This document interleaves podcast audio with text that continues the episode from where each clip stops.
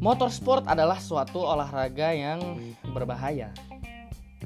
Makanya setiap tahun kita melihat development-development untuk peranti safety yang lebih advance daripada yang sekarang.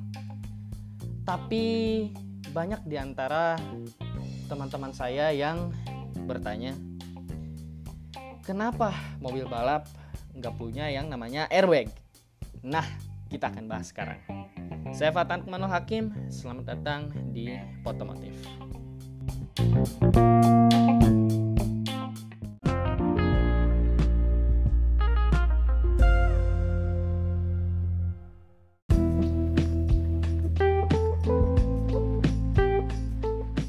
Sebelum kita mengetahui mengapa sebuah mobil balap tidak mempunyai airbag, kita juga harus mengetahui peranti-peranti keselamatan yang ada di dalam sebuah mobil balap.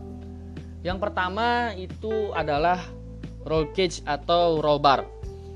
Roll cage itu adanya di mobil rally, mobil GT, dan mobil Le Mans. Kalau di F1 namanya roll bar. Dan Eh, mengapa ini ada? Karena di suatu accident mobil itu bisa mengalami yang namanya roll atau terbalik. Nah, kita tidak mau si kompartemen atau kokpit itu mengalami deform ya, penyok atau uh, remuk. Jadi ada yang namanya roll cage. Roll cage ini berfungsi juga untuk uh, meredam side impact supaya tidak menghancurkan kompartemen si pengemudi. Yang kedua ada seat belt. Nah, ini juga berhubungan dengan mengapa uh, sebuah mobil balap tidak mempunyai sebuah airbag ya. Yang dulu pertama kali seat belt itu dipakai mobil balap cuma dua titik sekarang menjadi enam titik. Itu berfungsi untuk supaya driver tidak bergerak dari kursinya. Tidak loncat ke depan tidak mental ke samping dan juga tidak kejedot ke atas kalau mobilnya ada atapnya ya Formula One kan IndyCar, Formula One tuh nggak punya. Dan helmet. Nah, helm ini berfungsi untuk ya pastinya kayak di motor juga berfungsi untuk uh, melindungi kepala dari driver tersebut. Dan di helmet itu sekarang sudah menjadi suatu keharusan di mana adanya perangkat yang namanya Hans. Di perangkat ini diikatkan kepada helmet dan e, berfungsi untuk supaya kepala dari driver tidak ke mana-mana, jadi tetap diam Nah, ada dua alasan kenapa eh, suatu mobil balap tidak punya airbag. Yang pertama, mobil balap itu bukan mobil jalan, bukan mobil untuk dibawa ke jalan raya. Jadi harus kita bedain.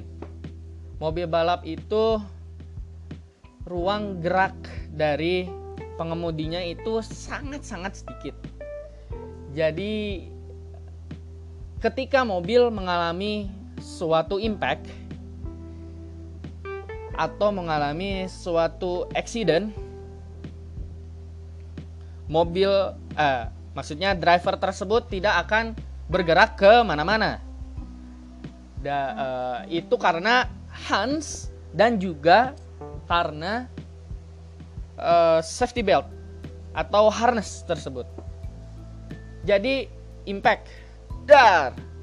Si driver itu tetap berada di tempat dia atau gini pas terjadi impact pantatnya driver itu tidak akan bergerak dari kursi sementara di sebuah mobil jalanan sebuah mobil road legal itu ruang geraknya tidak dibatasi. Jadi kita mau ngambil kopi misalkan di uh, cup holder, kita mau ngambil apa di glove box itu masih bisa, tapi di mobil balap itu tidak bisa. Jadi ketika mobil jalanan tersebut mengalami suatu impact, mengalami suatu tabrakan, driver akan bergerak maju ke depan dan tugas seat belt yang standar itu menahan kan? Sama kayak di e, motorsport juga menahan. Tapi kalau di motorsport itu lebih bisa menahan dan di mobil road legal ini menahan secukupnya dan dibantu juga oleh airbag. Nah, ini karena geraknya sangat uh, luas, jadi harus dibantu oleh airbag. Alasan yang kedua, malah berbahaya bila suatu mobil balap mempunyai suatu airbag. Kenapa? Karena yang tadi ruang geraknya sangat kecil.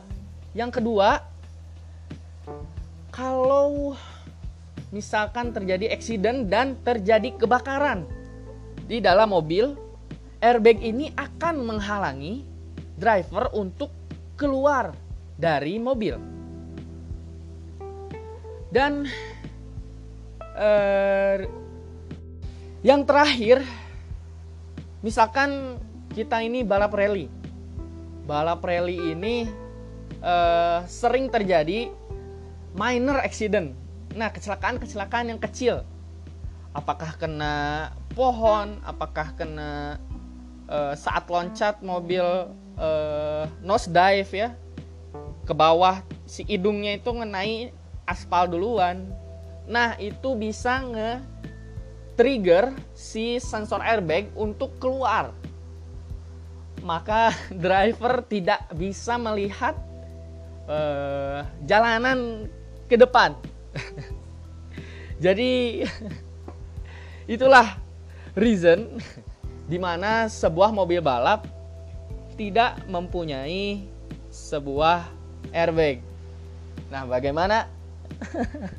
Teman-teman, ini cukup common ya pertanyaan yang satu ini. Sering ditanyain orang-orang yang pengen tahu dunia balap. Apakah kalian pernah e, ditanyai pertanyaan seperti ini juga pastinya kayaknya pernah sih terima kasih yang udah mendengarkan jangan lupa klik favorit juga kalau kalian dengar di Anchor kalau kalian dengar di Spotify bisa di follow juga podcastnya. Terima kasih sudah mendengarkan and see you on the next podcast. Assalamualaikum